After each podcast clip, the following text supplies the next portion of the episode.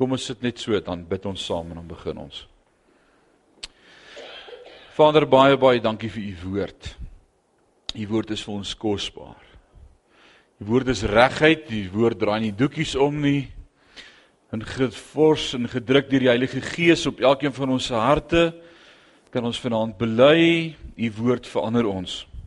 En ons is so dankbaar daarvoor. Ons is so dankbaar vanaand om te kan bely dat ons nie meer is soos wat ons was nie.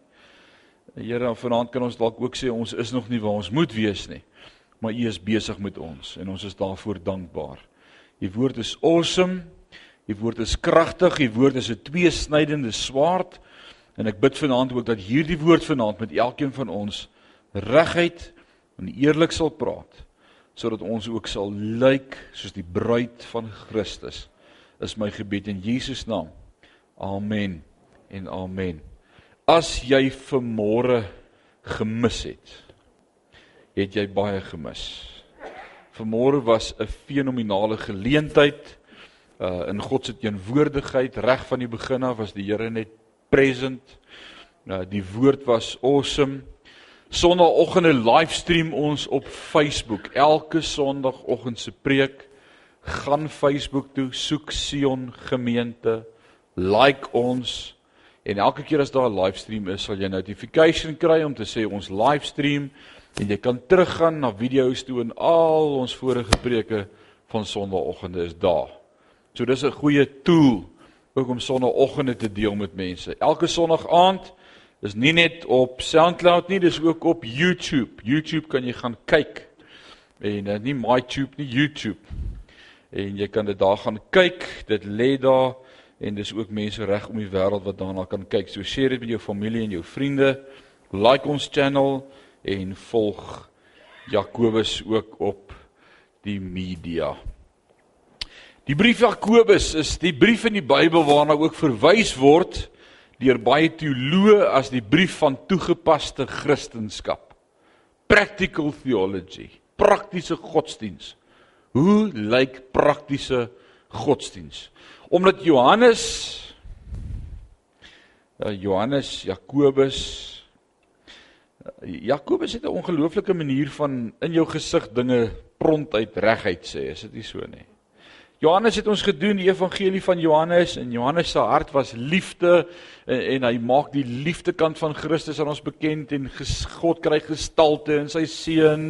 In Johannes 14 sê Jesus en Johannes skryf dit neer. Hy sê Jesus sê as julle my gesien het, het julle die Vader gesien want ek doen net wat die Vader sê. So Johannes sê julle uitkyk in sy approach was God is liefde, God is met ons, God is 'n goeie God. Jakobus het nie tyd vir doekies omdraai nie. Hy praat met die kerk, hy praat met gereddenes, hy praat met Jode. Hulle gaan deur 'n moeilike tyd van beproewing en Jakobus sê ek het nodig om te sê wat ek moet sê en ek moet dit vinnig sê. Hy's nie 'n man van baie woorde nie, maar hy lê die vuis in van die begin af. Hy sê dit soos dit moet wees. Jakobus is prakties en kragtig en is vir elke kind van God bedoel. Jakobus is nie 'n boek wat jy kan sê, "Jog, dis nou vir my buurman nie." Nee, hy is vir my. Dis vir my. Dit begin by my. By elkeen van ons moet ons dit so sê ware Bybelse Christendom is nie 'n saak van geloof nie. Dis wat Jakobus vir ons kom sê. Is nie 'n saak van geloof nie, is nie 'n saak van werke nie, dis 'n saak van geloof wat werk. Bly som dit mooi op. Geloof sonder werke is dood. Met ander woorde, as ons werklik glo, sal dit wys op die wyse waarop ons optree. So Jakobus raak prakties en hy sê dit gaan oor jou optrede jou geloof, dit waarvoor jy hoop, jou moedeloosheid, jou tong wat jy nie kan beheer nie, jou woede, jou optrede. Dis die goed wat hy aanspreek en dis nie lekker altyd om oor die goed pak slaap te kry oor jou vingers nie. Maar iemand moet dit vir jou sê. In 'n huwelik moet 'n man nie vir 'n vrou sê, "O, jy maak verkeerd nie." Dis bad news. En 'n vrou moenie vir 'n man sê, "Nou maak jy net jou pa nie." Dis bad news. You just don't do it. Dis net so. Maar iemand moet dit vir jou sê. En Jakobus sê ek gaan dit vir jou sê. So dis wat Jakobus doen.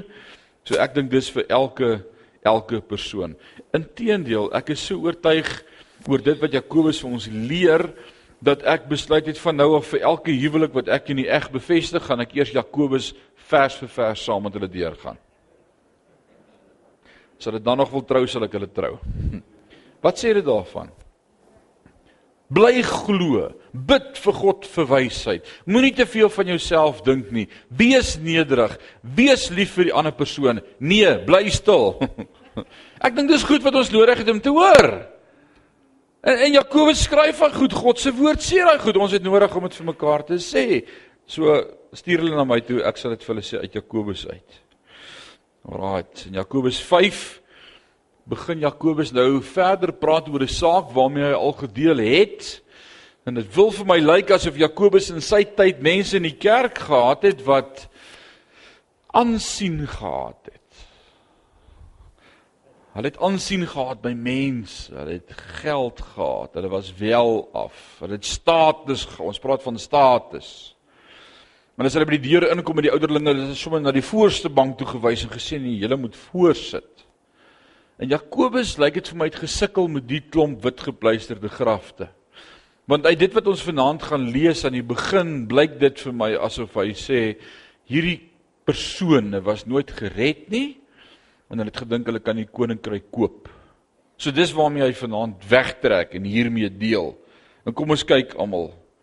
So hy sê hanteer almal dieselfde. Uh ja, moenie ouens voortrek nie. So vers 1 sê: Kom nou julle ryk is. Jy hoor nou skryf hy Vader. Jesus, like enige pastoor wat so met sy gemeente praat is sonder 'n job. Jakobus lyk like dit vir my is nie bang nie. Hy sê kom nou julle ryk is. Ween en huil oor die ellendes wat oor julle kom. Julle rykdom is bedorwe en julle klere is deur die motte verniel. Julle goud en silwer is verroes en hulle roes sal tot 'n getuienis teen julle wees en sal soos 'n vuur julle vlees verteer. Julle het skatte vergader in die laaste dae. Nou verstaan asseblief vanaand, dis belangrik. Jakobus het nie 'n probleem met rykdom nie. Hy het nie 'n probleem met rykdom nie. Hy sê nie as jy ryk is, is daar fout nie. Hy het 'n probleem met mense wat kerk speel en nie waarlik deel was van die familie van Christus nie. Alraait. Hoe weet ek dit? Want vers 7 gaan hy begin met die kontras as hy die teenbeeld gaan skets en sê Wees dan nugter broeders tot op die wederkoms van die Here. Dan begin hy met die kerk praat. So hy praat eers met hierdie ouens wat lyk asof hulle deel is van 'n gemeente en van die groep heiliges, maar hulle is nie regtig nie. Nou dis baie belangrik ouens. Jakobus se metodiek in hoofstuk 5 is ongelooflik belangrik in die bediening. Kom ek help jou. En nou gaan ek van my notas af. Ek dink dis gevaarlik om aan te neem dat omdat iemand kerk toe kom of saam sing of 'n Bybel het dat hy 'n verhouding met Christus het. Alraai. En ek dink in die kerk en dis waar godsdienstigheid inkom, vorm godsdiens. Ons is gekondisioneer met kerk toe gaan vandat jy so oud is. Jy het nie 'n keuse gehad nie, jy moes daar sit. En jy so gewoond daaraan dat jy aanhou daar sit. En vandag sit jy nog steeds daar en dis jou gewoonte en dis 'n goeie gewoonte. Maar het jy al ooit begin met 'n verhouding met Christus? Is daar verhouding? Met ander woorde, was daar 'n beginpunt en ons noem dit wedergeboorte. Is jy geestelik gebore? Het jy jou bankrotskap voor Christus bely en verklaar? Het jy sy kind geword? Het jy deel geword van die koninkryk van lewe of sit jy net en dink ek mos in die kerk? Ek glo. So Jakobus maak 'n punt daarvan om vir 'n sekere groep ouens in die gemeente te sê, dit beteken nie omdat jy hier sit, jy's oukei okay nie. Jy's bankrot, gaan kyk in die spieël. Jy kort Christus. En ek dink in ons prediking en omdat die woord ons leer dat uh, Hebreërs 10:25 het ons geleer en laat of en skep nie die onderlinge byeenkomste af soos wat sommige van julle die gewoonte het nie, maar vermaan mekaar en dit des te meer na mate julle die dag van God sien naderkom. So ons neem aan hierdie onderlinge byeenkomste is altyd die heiliges Paulus praat van hierdie geleenthede as die eklesia, die uitgeroepenes vir 'n spesifieke funksie om te kom aanbid, om saam te bid of psalms te sing tot eer van God, om die woord te hoor, om te bid. Dis deel van kerk. Maar almal wat in die kerk kom sit, is nie altyd deel van kerk nie. En dis hoekom Jakobus met hierdie groep praat en sê hier's ouens hier wat se harte nie opreg is voor God nie. En dis waarmee hy deel. Nou nou kyk wat sê hy hy hy, hy is bang dat hulle dalk mag dink dalk rykdom 'n posisie in die koninkryk kan koop.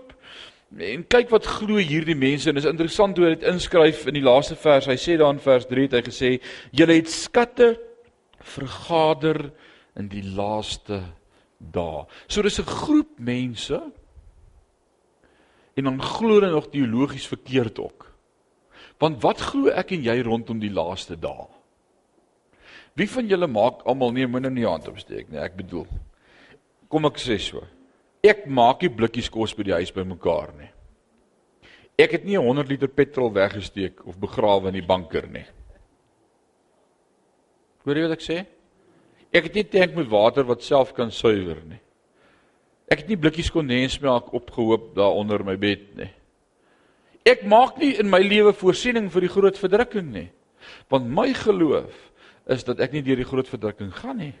Want Christus het my nie bestem vir die toren nie, maar vir die regterhand van God die Vader. Vir Christus se dag.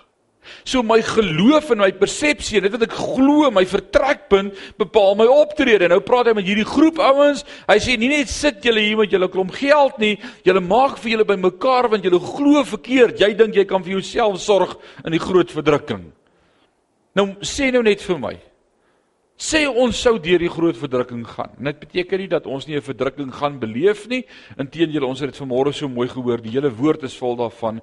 Ons word aan Christus se medelee. Met ander woorde, ons ly saam met hom. Paulus roem daar in reeds 2000 jaar terug dat hy saam met Christus ly. En ek glo in ons dag beleef ons persecution, ons beleef vervolging, ons beleef uh allerlei mense wat dinge teen ons praat en sê en ek dink die wet gaan nog baie fermer word met dit en ons gaan vervolging meer en meer beleef en ervaar vir dit wat jy glo. Maar dank God groter is hy wat in my is as hy wat in die wêreld is. En Jesus sê self jy sal lewe al het jy ook gesterwe. En God se probleem is om nie my hier in die lewe te hou nie, maar my by hom in die hemel te kry. Alraait. Dis waaroor dit gaan nie om hier te hou nie. So dis waarmee waarmee Jakobus reg aan die begin sommer deel. Hy sê julle het skatte vergader in julle laaste dae. So jou dogma is verkeerd. Julle dink verkeerd. Nou sê gou vir my sê ons gaan hierdie groot verdrukking. Wil jy jy het nou vir jou 'n klomp uh blikkies kondensmelk al mekaar gemaak en boelie beef en baked beans en nou, ek was in die army. Jy kan net vir so lank uit blikkies uitlewe, broer. Net vir so lank dan voel jy jy wil doodgaan. Dan betaal jy vreeslik baie vir ander goed as blikkies. Maar maar maar sê Dion is jou buurman. En na so 'n week of 2 of 3 van hongersnood en honger te sien hulle maar jy verloor nie 'n gram nie. Jou kondisie bly net dieselfde. Dan sê Dion vir Dalena, ek is seker wil jy dit goed weggesteek in 'n lys. Dink jy hulle gaan nie vir hulle opkom haal nie? Dink jy hulle gaan jou uitlos? Jy gaan dit deel, jy gaan dit verloor. Hulle gaan dit kom haal. So dit help nie as jy maak vir jou by mekaar nie. In Openbaring 3 vers 10 kom Jesus self en hy skryf deur die pen van Johannes en hy sê omdat jy en hy praat met sy kerk, met sy kinders en ek glo met elke wedergebore kind van God, hy sê omdat jy die woord van my lydsaamheid bewaar het, die woord van my lydsaamheid sal ek jou ook bewaar in die uur van beproewing wat oor die hele aarde kom om die bewoners van die aarde op die proef te stel. Nou ek is nie 'n bewoner van die aarde nie, ek is 'n hemelse bewoner. En ek is op pad na my ewige tuiste. Hierdie is nie my plek nie. En onthou, die 7 jaar verdrukking is nie die hel nie. En die doel van die 7 jaar verdrukking is nie om die mense om uit te wis nie. Maar om keer op keer vir die mense te sê jy het God nodig En dan's die hartseer deur om te sien hoe hulle nog steeds hulle rug op God gaan draai. So die 7 jaar groot verdrukking is vir my en vir jou? Nee, dis nie vir ons ontwerp nie. Dis 'n ontwerp vir die een wat nie glo in Christus nie. Sodat die Here met hom kan deel. So ek glo ons gaan nie wees nie. Alraight. 1 Tessalonisense 5 vers 9 want God het ons nie bestem vir die toren nie. Daai woordjie toren is die Griekse woordjie orgai. Hy het ons nie bestem vir die toren nie, maar om die saligheid te verkry deur ons Here Jesus Christus. Ek is nie bestem vir die groot verdrukking nie. Ek is bestem vir die vir die hemel, vir die ewige lewe. Great. So elkeen wat skatte bymekaar maak vir die laaste dae, hy sê kom tot bekering, kry 'n ander manier van dink. Dink anders daaroor. Ons vertroue is nie op onsself nie. Op wie vertrou ons? Op God. Kry vanmôre se preek. Dit was fenomenaal. Nou 'n goeie voorstel, 'n goeie voorstel. Wanneer as jy 'n bietjie in jou kar geklim op jou fiets geklim of bietjie gestap en by 'n paar scrapyards in die dorp so 'n bietjie besoek gaan aflê. Wie van julle hou daarvan om scrapyards te besoek? Alraai. Wie van julle se agter nee, wie van julle se mans se agterplaas lyk soos 'n scrapyard? Alraai. Alraai. Ek koop jou vrou se agterplaas. Alraai.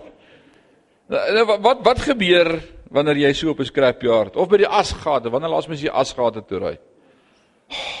Ek kyk op daarna tot ek nie meer kan nie, dan moet ek asgade toe ry.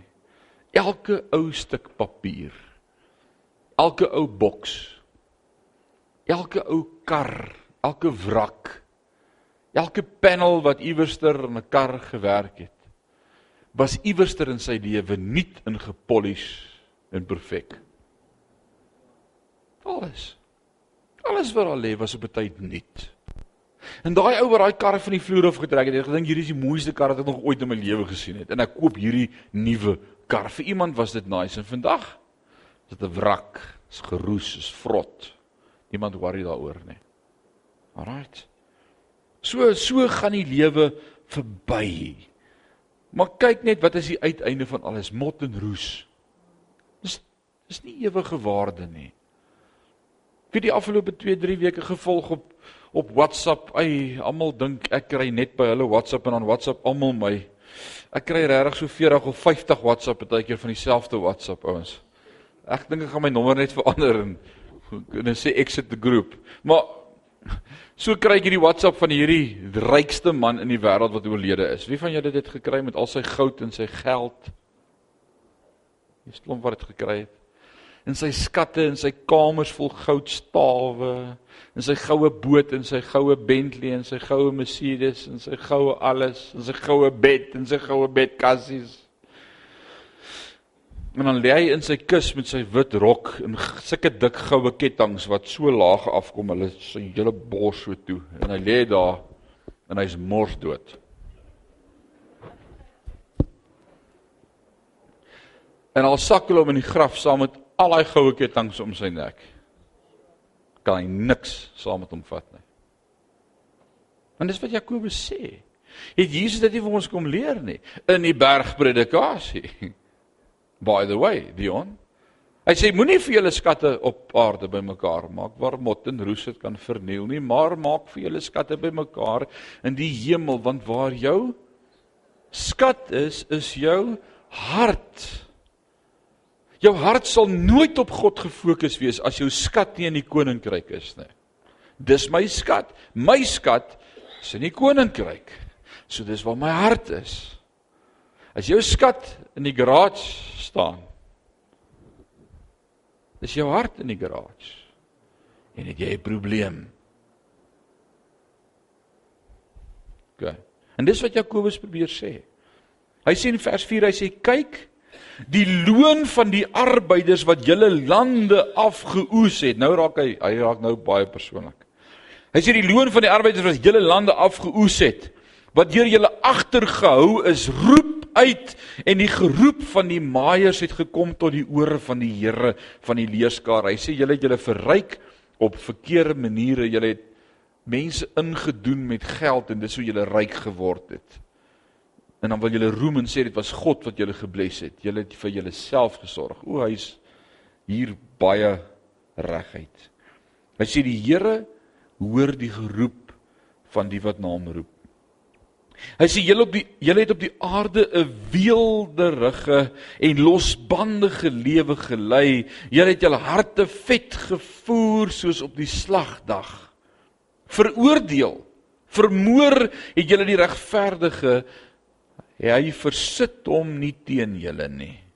Met ander woorde hy sê julle manipuleer deur julle rykdom, maar die dag kom wanneer jy sal rekenskap gee voor God. Pas op So eintlik sê hy in hierdie hele gedeelte vra hy die vraag wat is die motief van jou hart?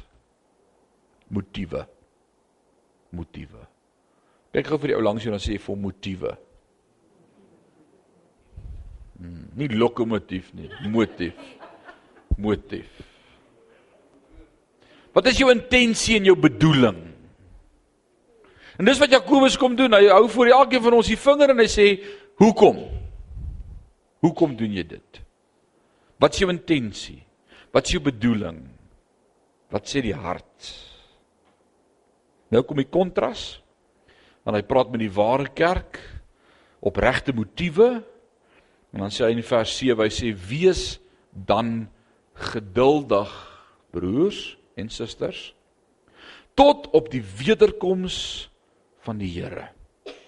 Kyk, die landbouer wag op die kostelike vrug van die aarde en het geduld daarmee tot dit die vroeë en die laat reën ontvang het. Julle moet ook geduldig wees. Versterk julle harte want die wederkoms van die Here is naby. So wat is Jakobus se boodskap aan die kerk? Hy sê daar gaan valse Christene wees. Daar gaan ouens wees met verkeerde intensies en bedoelings wat hulle self verryk. En daar gaan onregverdigheid wees. En daar gaan dinge gebeur wat nie lekker is nie, maar hy sê nie vir hulle begin 'n weerstandsbeweging of reële biddag en bestraf hulle nie of verset julle teen hulle nie. Ek sou dog dat 'n man soos Jakobus vir ons as Christene sou sê wat om te doen en met raad kom en sê in so 'n geval doen dit of dit Maar weet wat wat wat sê hy? Wat sy boodskap aan die kerk? Hy sê: "Hey, raak geduldig." Nou kom ons praat 'n oomblik oor geduld vanaand. Wie van julle staan voor aan die lys toe geduld uitgedeel is? Dink jy daar baie mense voor in daai ry gestaan het? Ek was nie daar nie. En ons raak ongeduldig. Ons raak ongeduldig met God en met sy beloftes en met die woord en met sy voorsienigheid en en met alles wat moet gebeur en en ons is ongeduldig. Ons ons wil dinge moes gister al reg gewees het. As iemand iets met vir jou gedoen en hy vra wanneer wil jy dit gedoen en dan sê jy gister. Dit is soos jy jy's net gejaag en en wat's Jakobus se antwoord op hierdie vervolging en alles wat gebeur en die ellende en die krisisse en die valse Christene wat tussen ons sit. Wat is sy antwoord? Wees geduldig. Oh, dis nie wat ek wou hoor nie, Jakobus. Rarig geduldig. Hy sê wees geduldig, broeders, want die Here is op pad. Is dit nie awesome nie? Die Here is op pad. Is jy ongelukkig met die dinge wat om jou gebeur? Is jy in 'n ongelukkige situasie, in omstandighede? Is jy op 'n plek waar jy voel dis nie lekker nie? Ek like nie wat my lewe met my gedoen het nie. Ek hou nie van waar ek is nie. Ek wil dit nie so hê nie. Vanaand het ek vir jou Jakobus se antwoord. Jakobus sê: Vertrou net op die Here. Die Here is op pad en hy sal reg doen. So wat hy basies vir hulle sê is die woord Maranatha. Wat beteken die woord Maranatha? Jesus kom weer. Hier is nie vir altyd nie. Hier is nie vir altyd nie, Maranatha. So raak rustig en vertrou op hom. Dis dis dis 'n mooi slogan. Just chill and trust God. Wag net op die Here. Sê gou vir die ou langs jou wees geduldig.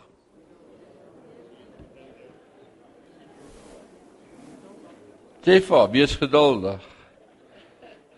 En dan die tweede ding wat jy vir hom sê is kyk op vir sy koms. Hy is op pad. Maranatha. Wees geduldig. Chill net en Maranatha. En dis die antwoord vir elkeen van ons in ons krisis, in ons omstandighede. Ons word opgewine. Wie van julle word opgewen? Kom aan, wie se refmeter gaan so in die rooi? Kom ons sê refmeter, né? Dis mooier. Jou refmeter druk in die rooi. Dok hoor ek sê my springhak uit. Ek voel net dit is net te moeilik. Maar jy voel net omstandighede om jou raak net al hoe warmer en moeiliker en en jou jou omstandighede irriteer jou. Al wat Jakobus kom sê is, hy Christus leef. En jy kan net ontspan, ontspan, ontspan, ontspan. Ontspan net. Wie van julle sukkel vanaand om te ontspan? Wie van julle is gespanne? Wie wie beleef spanning op hierdie oomblik? Steek jou hand op. As jy op hierdie oomblik spanning beleef, jy het spanning, jy het 'n knop in jou maag, jou borspyn, jy jy't spanning, jy's gestres, jy's soos 'n gitaarsnaar of 'n boog wat gespan is. Ek wil vanaand vir jou sê, haal net asem en sê Here, ek kies om geduldig te wees. Jy gee weer 'n keuse. Geduld is 'n keuse. Vanaand is dit 'n woord van die Here af vir ek glo vir elkeen van ons. Is haal net asem en wees rustig. God weet. En hy's op pad. Hy, gaan 'n paar interessante goed verder sê. Alraight. Wie van julle sê vanaand jy verstaan nie? Ek het net genoeg gehad.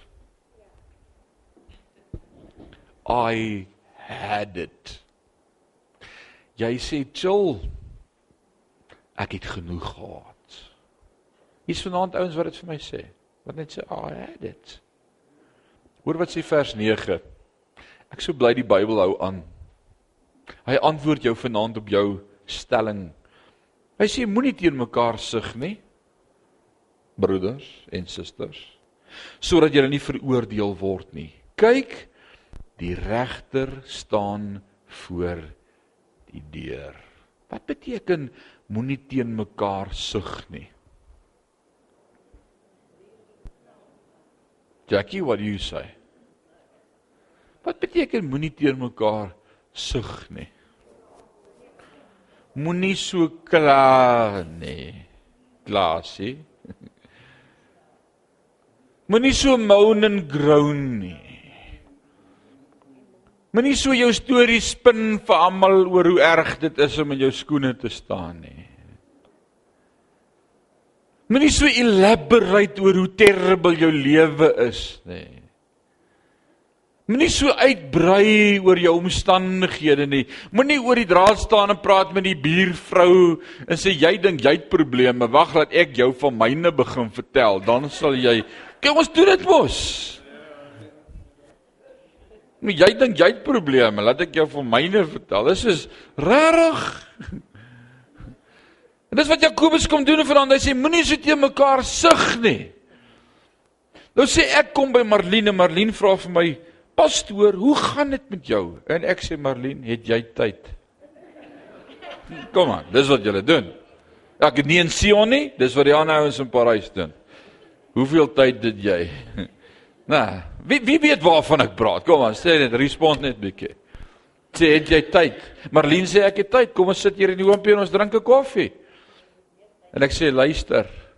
Jy verstaan nie wat alles in my lewe skeefloop nie. En ek sug en ek kla. En ek dink in die proses ek gaan my hart net leegmaak.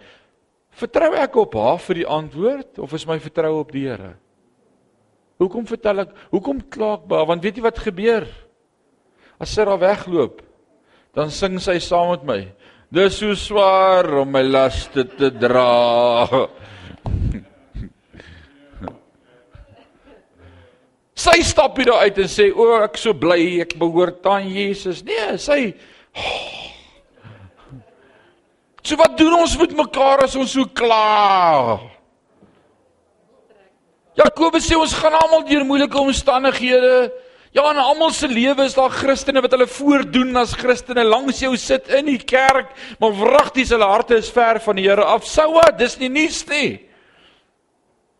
Ek kom as kom as jy ken nie, jy weet nie wie langs my gesit nie. Sê hou op sug teenoor mekaar, hou op kla. Hou op moan. Hoekom? Want God staan voor die deur en hy is jou regter. Hoekom sal ek vir Marlene wil kla oor alles wat fout gaan in my lewe? Oor ek wil hê sy moet my regter wees en saam met my stem en sê nee pastoor, dis nie reg nie. Kom ons gaan sit daar op hulle plek. Hæ? God sê ek stry vir jou. So wat doen ek as ek met iemand anders oor my probleme praat? Ek dink dat iemand anders my gaan kan help. Nou dis baie interessant by huweliksberading en ek wil nie vanaand huweliksberading doen nie was ons in huwelike praat oor die persoonlikheidsverskil tussen 'n man en 'n vrou, dan sê ons 'n man en 'n vrou is anders gewire. Ons ons dink heeltemal anderster. As 'n man met 'n man praat oor sy probleme, dan is die enigste rede waaroor 'n man met 'n man praat oor sy probleme is want hy dink daai man gaan hom kan help. So as Louis by my kom en sê: "Jesus pastoor, ek sukkel met my Land Rover. Hy lek olie." Dan sê ek Louis, ek het 'n oom en hy het sy Land Rover uitgesort. Hou vas, ek bel hom en ek hoor wat moet ons doen met jou Land Rover. Want dis hoe mans, is dit nie so nie, Johan? Dis wat mans doen, ons help mekaar. As 'n vrou met jou kom praat oor haar probleme, moet jy doodstil bly. Sy soek nie raad nie. Sy wil nie jy moet haar help nie. Jy moet net stil bly en luister.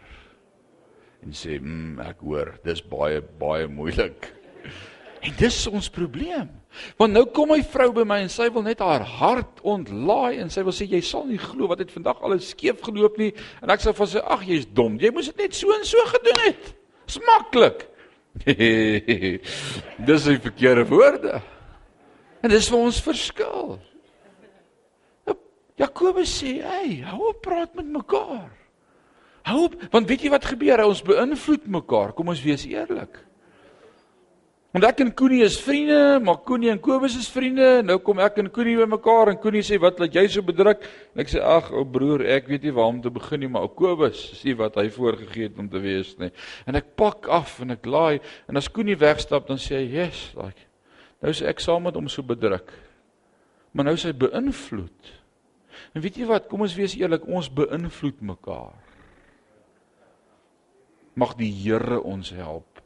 En dis wat Jakobus 2 kom praat het oor die tong wat in die hel aan die brand gesteek word, want wat is die motiewe en die intensies van ons bedoelings van ons hart? So wat sê hy dan? Wat is die remedie? Hy sê moenie teen mekaar sug nie, broeders, sodat julle nie veroordeel word nie. Kyk, die regter staan voor die deur. Hmm. Tye waarin ons leef het verskriklik verander. Wie weet dis die waarheid. Tye het ongelooflik verander. En ons het baie rede om sekerlik te kla. Dink vanaand net bietjie saam met my as ons praat oor omstandighede en tye en hier's hier's jong manne vanaand en hier's ouer mense vanaand en die seniors en ek gaan nie vanaand vra wie is die oudste en wie is die jongste nie. Ons is 'n ons is 'n diverse groep individue. Ek dink vanmiddag sommer so terug aan vandat ek kan onthou wat op TV was, toe TV in my lewe 'n rol begin speel het. Ek ek dink sommer aan goed wat ek kan onthou. Koos, Dani, ons ouderdomse manne. Ek dink aan goed soos die uitteam. Kan julle die uitteam onthou? Ek gaan nou my ouderdom weggee. Okay, my uitteam was dit was Tanya, dit was 'n bietjie voor jou tyd. Kan jy onthou? Alraai. Ek was 'n kwai fan van Airwolf. Kan jy Airwolf onthou? Doem doem do do do do do do do. Dan kom hy chopper so aan. Jesus, dit was kwai. Ek wou net weermag toe gaan lugmag. Ek dink aan aan aan MacGyver. Hæ, kan jy dit Charlie's Angels. Is hy is hy weer op? Nee man, dit is dis is dit. Ou mense wat niks het om te doen nie. Sy sê sy die middag 12 uur op TV. ek ek ek dink aan aan uh onthou hulle vir die Waltons. En wat was die ou boet se naam? John Boy. Onthou hulle vir John Boy? Yes like. Hey, jou kinders het nie 'n klou waarvan ons op praat nie. Nee, wat wat is dit? John Boy. Onthou julle man van Intersek? Wie was wie van man van Intersek? Waar hy oorloosie? Kwaai of knerses in die tande. Nee, knerses nee. Ai ai ai. Dit was dit is goed waarna ons gekyk het. As jy toe vir my sou sê oor 40 jaar, oor 30 jaar gaan dit alright wees om op elke fliek nudity te sien. OK, dis naaktheid vir die ou ooms. nudity. Nudity. Immoraliteit. Lieg. Egbreek, doodmaak, moord. As dit die as jy vir my gesê dit gaan die norm wees. Dan ek vir jou gesê daar's nie 'n manier nie. Kan nie. Kyk waar ons nou. Kyk hoe lyk die goed waarna ons kyk. Ek, ek lees iets wat 'n skrywer skryf in 1996 het hy hierdie geskryf en hy sê in 1996 dat toe hy in 19 66 'n seun was van 13 jaar oud. Het daar in hulle kerk 'n pastoor gestaan. Jack van Impe. Weer al Jack van Impe? Alraai, Dr. Jack. Dr. Bible the Bible guy. Hy ken regtig baie van die Bybel. Hy's gekop uit. Hy's nog steeds op TB en ek dink hy leef nog. Toe Jack van Impe op hulle kansel gestaan toe hy 13 jarige seun was. Hoe oud is jy, sê? Ja, 12 jaar ouer as jy gewees. En toe sê pastoor Jack van Impe daai dag toe hy by hulle preek. Toe druk hy die koerant se foto so met sy hand toe. Toe sê julle sal nie glo wat hierdie week in Hollywood gebeur het nie. Hier is 'n foto gepubliseer van 'n vrou van agter af sonder 'n top aan. Hy sien toe die hele kerk na hulle asems gehyg en gesê dis ondenkbaar. Vandag is dit algemeen. Dis enorm. Dis oukei. Jy sê vir jou kinders maak toe jou oë. Dis daar. Hoe sê jy dit vir jou dogters? Maak toe julle oë. Die wat loer so. Ons ons kyk, ons kyk nie sulke goed in ons huis nie. Maar weet jy wat dit pop net op? Dis in elke fliek. En elke nuwe fliek is in jou gesig same sex marriages. Affairs. Ek is te bang as ek iets begin kyk en dan kom nog 'n man in die vertrek aan. Dit dis dis ongelooflik. Dis net so in jou gesig dit maak jou naar. Dis sickening. Dis 'n mooi Engelse woord sickening. Dis die tyd waarin ons lewe. Rarig. Moet dit so wees Dis die eindtyd. Dis die eindtyd. En dan wil ons oor hierdie goed bymekaar kla. En dan nou nou gaan Jakobus met 'n remedie kom verkla. Alraait. Hy sê moenie teen mekaar sug nie. Moenie moenie so kla by mekaar nie. Moenie so mekaar negatief opmaak nie. Moenie so kan ons sê skinder of mag ons nie die woord skinder gebruik nie. Dis dis mos nou 'n sensitiewe woord, maar net nie sê skinder nie. Ek skinder nie, ek sê net. Alraai. So so wat sê julle approach? Ek hou my oë op Jesus. En ek wil vir sê hierdie tyd waarin ons lewe en dit wat gebeur en wat die norm en die orde van die dag is, hou jou oë op Jesus. Want as jy jou oë op mense gaan hou, gaan hulle jou teleurstel. En dalk gaan my voet iewers gly. Dawid sê my voet het amper gegly toe ek let op die voorspoed van die wêreld. 'n resep vir 'n voet wat gly. Hou jou oë op ander mense. Hou jou oë op Christus.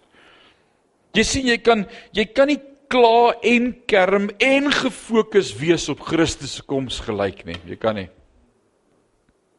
Is dis die waarheid. Jy hou of jou oë op Christus of jy's besig met alles om jou en wat weet jy nou weer gehoor wat het daai ooh kyk wat het daai ooh jy het gesien wat is op die nuus Liewe hemel waar gaan alles heen ek kan nie bybel nie gee my net daai koerant ook dat ek net kyk wat sê hy Jy kan nie jou oë gefokus hou op Christus Hebreërs sê dit so mooi is dit Hebreërs waar sê Hebreërs 12 vers 2 dis 'n pragtige vers Nou Romeine 12 vers 2 sê kry 'n nuwe manier van dink, word vernuwe deur julle denke. Dis 'n belangrike vers in Sion. Hebreërs 12 vers 2 sê: Hou jou oog gefokus op Christus, die leidsman en die volëinder van julle geloof. Dis maklik 12:2. Alraai, dis belangrike skrifte om te onthou. So hy sê moenie mekaar opmaak nie, hou jou oë op Jesus. Dan wil ek sê jy sien jy kan nie kerm en kla en fokus bly op Jesus nie. Ons het 'n ou lied gehad wat ons in Sion gesing het jare terug in die Pinksterkerke oral waar ons was. Nou ek is onder die kerkbank gebore. Ek het in die AGS kerk groot geword en ek dink regtig nie daar's 'n AGS hemel nie. Ek dank die Here het my al daarvan verlos. Ek dink die hemel is groter as ons kerk en ek dink daar's pragtige AGS lidmate wat glad nie hemel toe gaan nie. Maar hmm, nou gaan ek pak kry.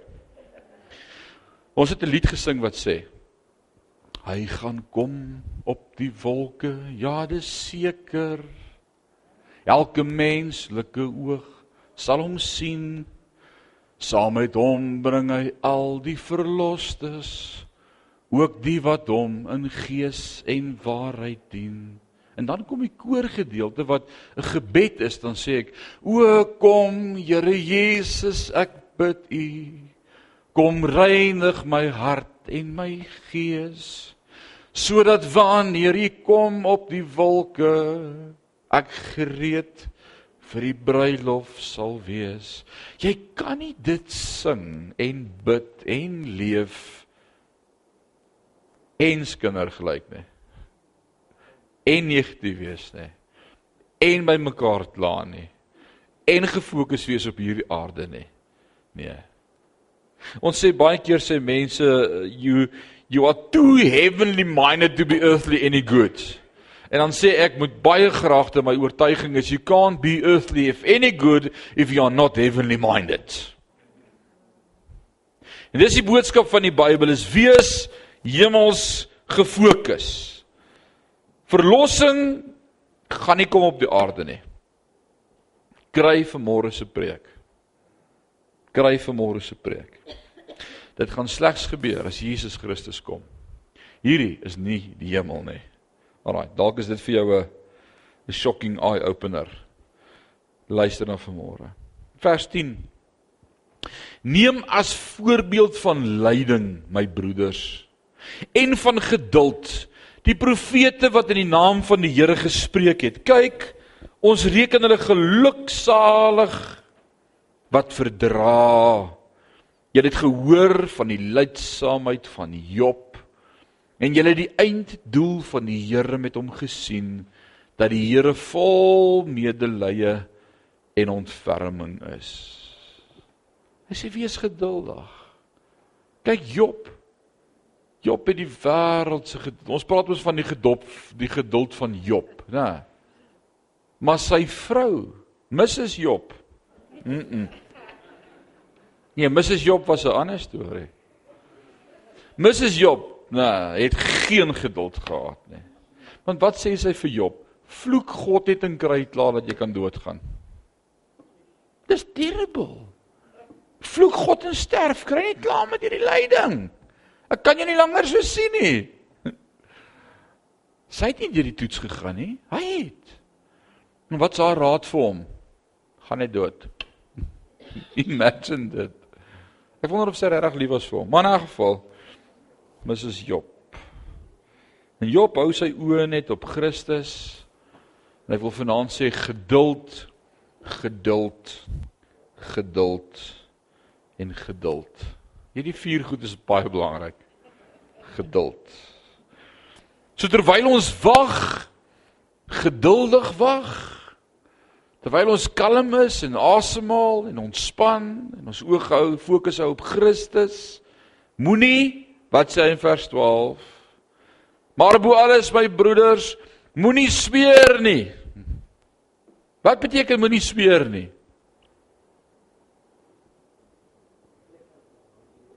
Moenie sweer nie, nie by die hemel nie en ook nie op die aarde nie en ook nie onder eed nie, maar laat julle ja ja wees en julle nee nee sodat julle nie onder oordeel val nie. Moenie sê ek beloof, ek sweer, wragties dit sal so wees nie. Onthou wat hy in hoofstuk 2 se einde of was dit 3 se einde 3 se einde. Hy sê julle wat sê môre gaan ons hierheen en môre gaan ons so maak en môre gaan ons dit doen. Hy sê julle het nie 'n klou nie. Sê eerder as die Here wil. Hy sê so hoe kan jy vir iemand jou woord gee en sê dit gaan ek doen? My ja.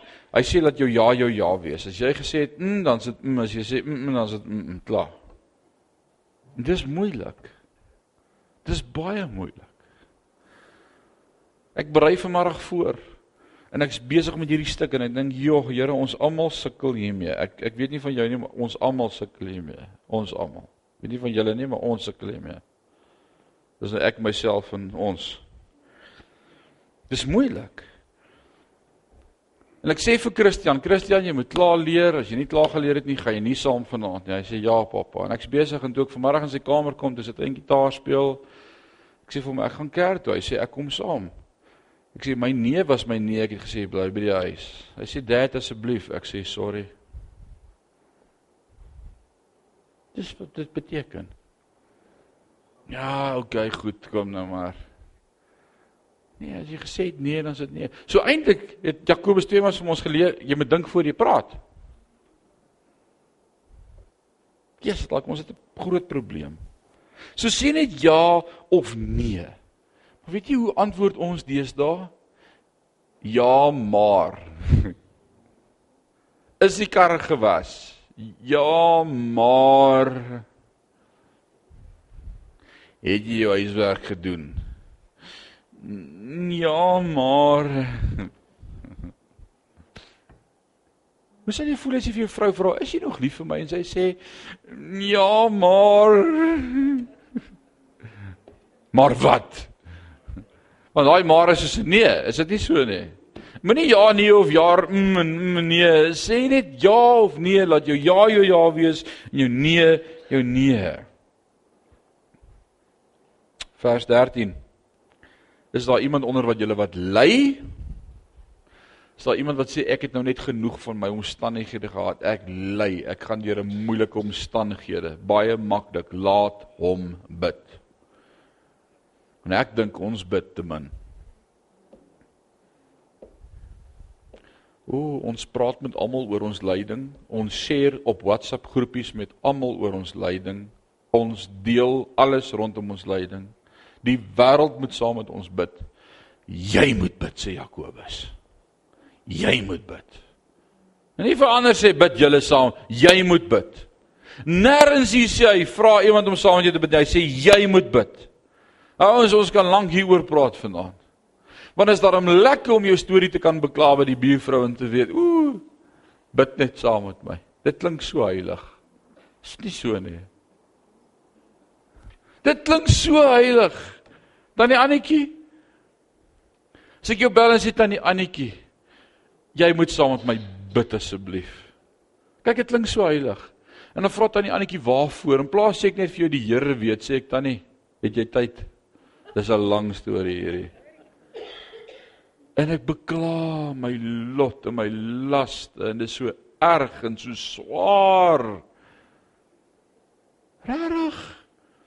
Kom aan, ouens, doen ons dit nie almal nie. Moenie my so kyk nie. sê net ja.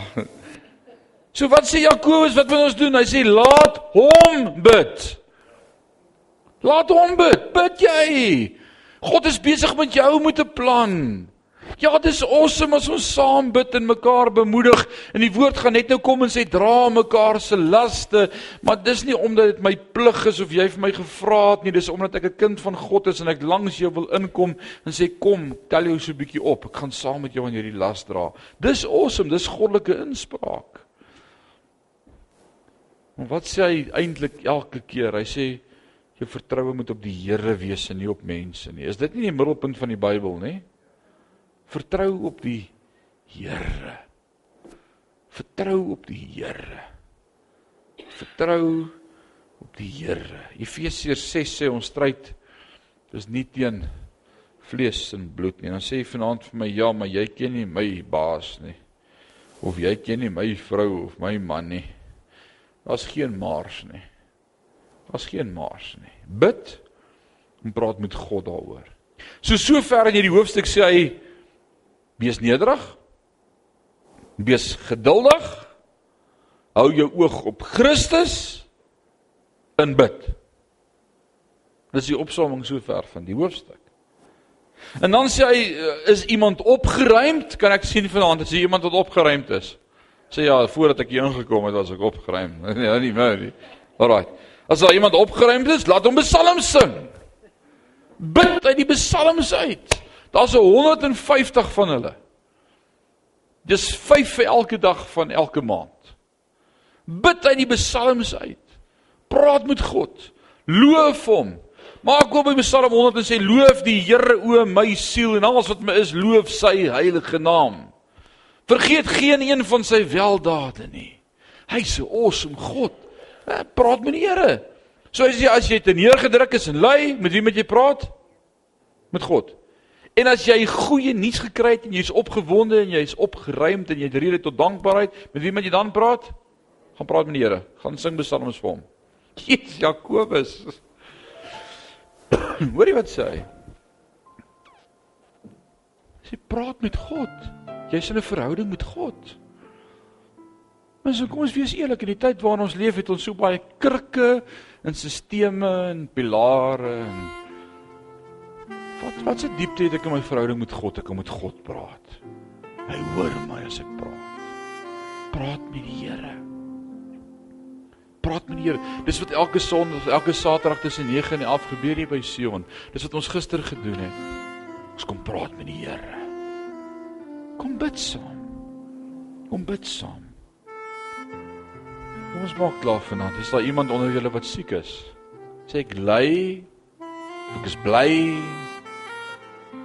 Ons sê daar's mense onder julle wat siek is. Is daar so iemand? Laat hom, die siek een, hoor nou mooi. Die ouderlinge van die gemeente inroep. En laat hulle oor hom bid nadat hulle hom in die naam van die Here met olie gesalf het. In vers 13 het hy gepraat van emosionele en verstandelike lyding. Lyding. Hy sê jy kan self bid. As jy bly is, sing psalms. As jy siek is, roep die ouderlinge. Nou, interessant. As hy praat van siekte, dan praat hy van as iemand swak is. Wie weet jy soms net te siek om vir jouself te bid?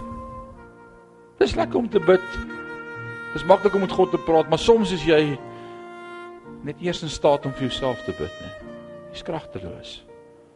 Daar's net nie woorde in jou hart nie. Jy voel net siek. So, so wat wat moet jy doen? Hoor mooi vanaand. En die onus rus steeds vanaand op die individu, op jou. Baie keer sê ouens vir my, "Ooh, ek was siek en jy het nie eens vir my kom bid nie." Ek was in die hospitaal en jy het nie vir my kom kuier nie. Jakobus sê, "Jy moet die ouderlinge roep." Ek onthou 8 jaar terug toe ek deur 'n baie tawwe tyd gegaan het in my lewe. Toe ek daai ouderling geroep vir hom en vir Jan van Wyk. Kan jy onthou? Dit Leon de Waal en Jan van Wyk een oggend vroeg daar by my huis opgedaag en gesê ons kom vir jou bid en jou salf met olie. Oh man. Dit my lewe verander. Maar daai oomblik weet jy self nie eers wat om te bid nie. Jy is net in 'n put en jy weet net. Nou, ek wil 'n paar goed net vir jou wys. Jy kan nie musiek so aanhou, Jacques. Ek wil 'n paar goed net vir jou wys. So as iemand siek is, kan meen net hy kan nie vir homself bid nie, want hy sê as dit met jou goed gaan bid, as jy bly is, bid, sing psalms, as jy probleme het, bid. Maar wat sê hy? Hy sê as jy die ouderlinge roep, nou die woord ouderlinge is nie die woord enkelvoud nie. Ek dink ons het dit almal, ons verstaan van enkelvoud en meervoud. Nee.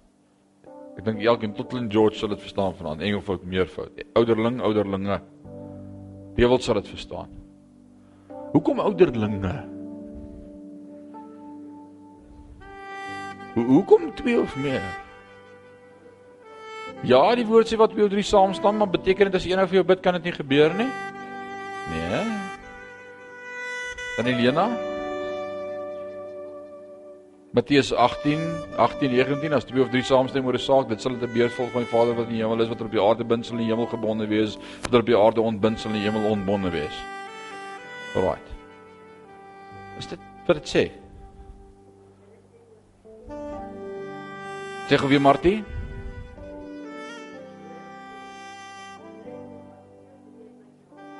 Wat twee of drie my naam vergader, daar is ek in hulle midde. Awesome, dis waar. Hoekom ouderlinge? Kom ek help jou vanaand gou met 'n waarheid. In konteks van hierdie hele gedeelte waaroor Jakobus praat. En die een ding waarteen Jakobus vir 4 hoofstukke al beklei, is pride. Die eie ek. Trots. Motiewe. En ek wil vir jou sê God wil nie hê dat iemand in 'n slaguister trap en daar wegstap en sê ek het tog vir Kobus gesond gebid nê. En omdat God by sy woord bly, sê hy as jy 'n groep ouderlinge het wat bid, gaan niemand kan sê dit was my gebed nie. Almal het saam gebid. Want God deel sy eer met niemand. Nêrens was dit God se intensie om 'n een man international ministries op die been te sien nie. Maar dit gaan oor die koninkryk. Nie oor die man nie. Mag die Here ons bewaar in Sion gemeente dat dit nooit hier sal gaan oor 'n man nie, maar oor die koninkryk. Oor die koninkryk. Oor die koninkryk. Daarom sê as iemand siek is, laat hom al die ouderlinge roep en kom bid. Laat hulle bid. Wow. Sodat niemand kan sê, oh, "Was ek nie. Ek het 'n genesingsbediening." God hou nie daarvan nie. En ek weet vanaand kan ek tone blou trap en dis oukei. Okay. En dis Jakobus wat dit sê, nie ek nie. En ek dink soms moet ons die motiewe van ons hart onderdink en oordink en vra hoekom doen ons goed wat ons doen? God laat dit nie. God deel nie sy trots en sy eer nie. Hy kan deur wie ook al werk, selfs deur 'n donkie. Hy sê laat hom die ouderlinge van die gemeente inroep en laat hulle oor hom bid nadat hulle hom in die naam van die Here met olie gesalf het. Nou salf met olie, kom ons praat vir 'n oomblik daaroor want dit is interessant hoekom salf met olie en wat doen salf met olie?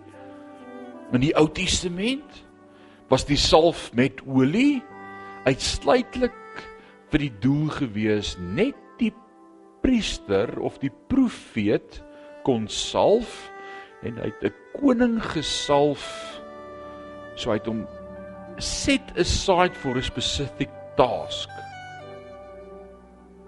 So as ek as profeet of priester as die Here vir my gewys het Louis is koning, dan ek Louis gaan salf as profeet of as priester of as koning.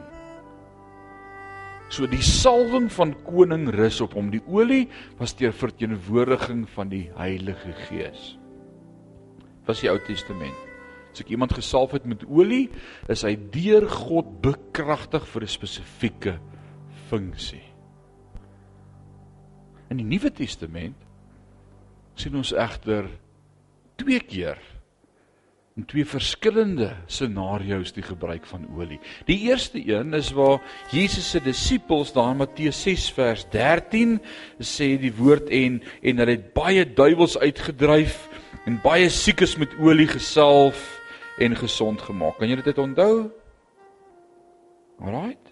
So uit hulle met olie gesalf en gesond gemaak. So salwing hier was 'n teken en 'n simbool van die Heilige Gees wat genesing bring. Maar dan sien ek nog 'n scenario wat ook met olie te doen het. Weer die storie in Lukas 10, kan jy onthou die die barmhartig par die parmantige Samaritaan. Kan julle dit onthou? En toe daardie Samaritaan hierdie man kry wat langs die pad lê en aan sy wonde wil beswyk, het hy hom ingeneem in 'n herberg en hy het sy wonde gesalf met olie. Wat beteken dit in konteks van die Bybel om wonde te salf met olie? Daai olie het ook geneeslike properties, attributes, eienskappe gehad. So in die Nuwe Testament, en hoor mooi wat ek vir jou sê, ek lees net Bybel vir jou en ek quote Bybel vanaand vir jou. Het het het salf met twee dinge, twee strome te doen. En ek wil vanaand die volgende verklaring maak en en dit kan terrible wees. Ek wil sê medisyne maak nie gesond nie.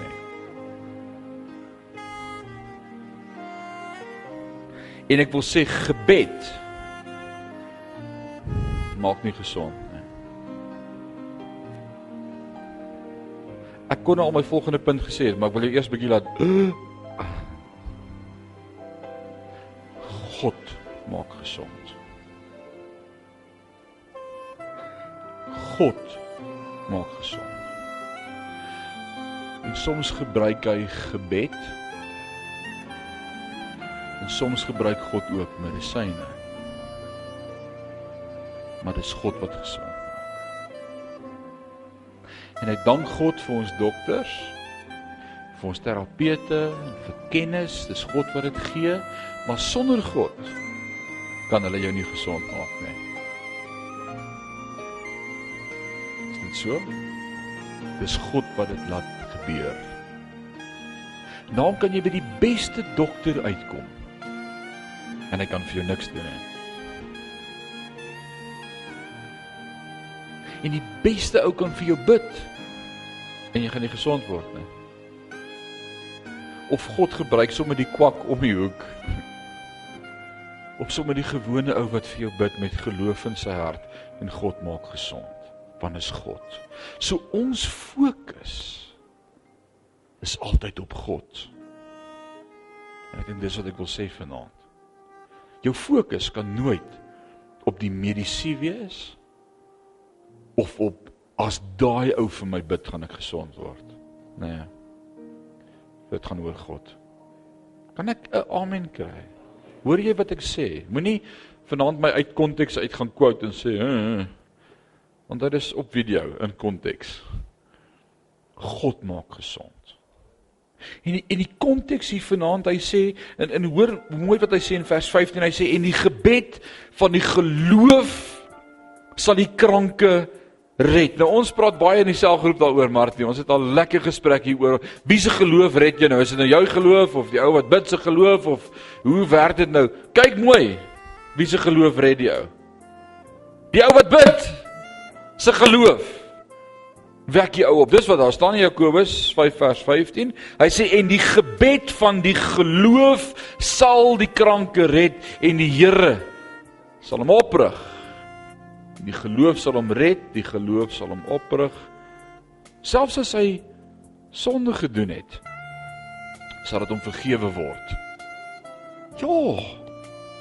Wat beteken dit in konteks van siekte? Kom ons kom ons draai daai versie om. Kom ons draai hom eers om. Selfs as hy sonde gedoen het, sal dit hom vergewe word en die gebed van die geloof sal die kranke red en die Here sal hom oprig. So die implikasie voor die hand leggend vanaand, ek wil sê sonde kan siek maak. Is dit waar? Ja. Ja, sonde kan siek maak. Hoe weet ek dit? Jesus leer ons in Johannes 5, die man wat 38 jaar verlam was, Hy sê in vers 5 in vers 14 van Johannes 5 sê daarna het Jesus hom in die tempel gekry en vir hom gesê kyk Jy het gesond geword. Maar moenie meer sondig nie sodat iets ergers nie met jou gebeur nie. So wat sê Jesus vir hom? Wat het jou vir 38 jaar langs die bad laat lê? Verlam. Jy het sonde gedoen. Iewers het jy iets gedoen en die resultaat daarvan was jy was verlam. Hm. Markus 2. Die vier manne wat hulle vriend deur die dak laat sak het. Kan jy dit onthou? En wat sê Jesus? Sy vriend, jou sonde is jou vergewe. Vat jou bed staan op en loop. En hy het opgestaan. En toe vra hulle vir mekaar, nou wat is nou die grootste? Jesus vra, is dit nou dat ek sonde vergewe het of op die Sabbat iets gedoen het? Wat wat is nou wat moet ek eerder gesê het? Jy is net genees of mag gesond wat wat is die grootste? Wow. So sonde in sy lewe het hom ook lam gemaak. Sonde maak ons siek. Ook 'n ander gedeelte in die Bybel staan dit baie so sonde kan ons reperkusies wees. Kan sonde reperkusies hê? O ja, absoluut. En die gevolg daarvan is siekte. Dit kan wees. Beteken dit altyd as daar siekte is, was dit die gevolg van sonde? Nee. Dis nie wat ek sê vanaand nie. As dit so eenvoudig was om te sê, "O, jy's siek, jy jy moet sonde gedoen het." Net as ek glo in prosperity, dan kan ek dit verklaar, maar God se woord leer dit nie vir my nie. Jou siekte kan as gevolg van sonde wees, maar ek kan nie sê alle siekte is as gevolg van sonde nie. Paulus, wil jy vir my sê hy het sonde in sy lewe gehad? Hy bid 3 keer tot God en sê asseblief neem hierdie wortel of hierdie doring in die vlees van my weg en wat sê God vir hom? My genade vir jou is genoeg. So van wie af kom daai? God laat dit toe. Wow. So hoe weet ek of ek moet bid vanaand? Hoe weet ek of ek moet bid? As iemand as iemand by jou kom en sê bid vir my of kan kan julle bid hier groep net vir my bid of kan ons vanaand net bid of of hoe weet ek of ek moet bid of nie moet bid nie?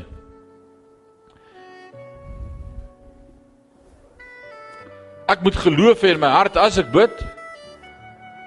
Eh, Ray McCauley sê dit so mooi. Hy sê die eerste hoeveel ouens vir hy gebid het?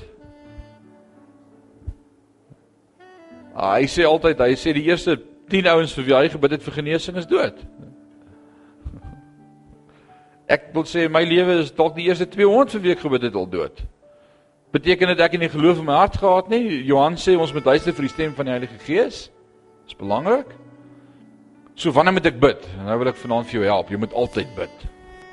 Altyd. Die woord sê bid sonder ophou. Bid sonder ophou. Ek moet altyd bid met geloof in my hart. Maar gaan God altyd gesond maak? Ek bid asof ek glo ja. Maar ek weet soms sê God nee. Maar ek glo. Ek glo God kan en God wil maar hy doen nie altyd nie. En soms bid ek en ek sê Here, asseblief vat hierdie kopseer van my weg. Die laaste ruk my voor die rekenaar en tot laat in die nagte van al die skermwerk in my oë en ek wil nie my bril opsit nie en ek dink ek kan nog sien waar daar staan en dan kry ek hier 2 3 uur in die môre word ek wakker met verskriklike migraine wat hier uit my nek uitkom. Dis dis terrible.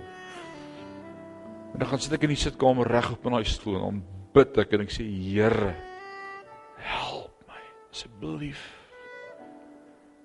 Dan kan die Here vir my sê maar jy moet verantwoordelik wees met jou oë jy moet nie so laat op die rekenaar werk nie en jy moet mooi na jouself kyk en sê ja Here ek weet al daai goed maar asseblief help my net.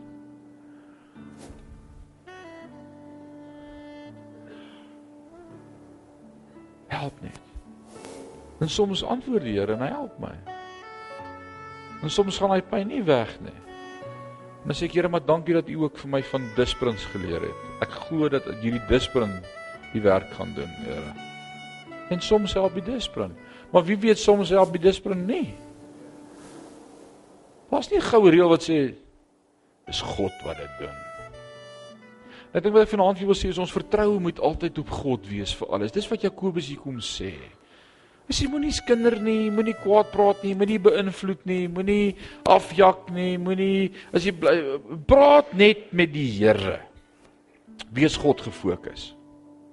Ek dink dis 'n goeie 'n goeie tema vir vanaand se talk. sien God in alles. sien God in alles. Praat met God oor alles. Wees net by God.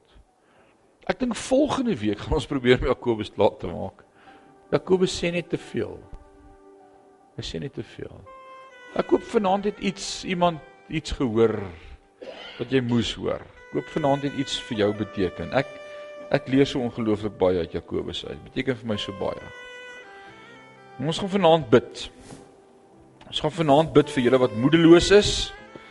Ons gaan vanaand bid dat die Here vir jou gaan vashou Ek wil vanaand vir jou sê wees hemels gefokus. Hou jou oë op sy koms. Hy's op pad.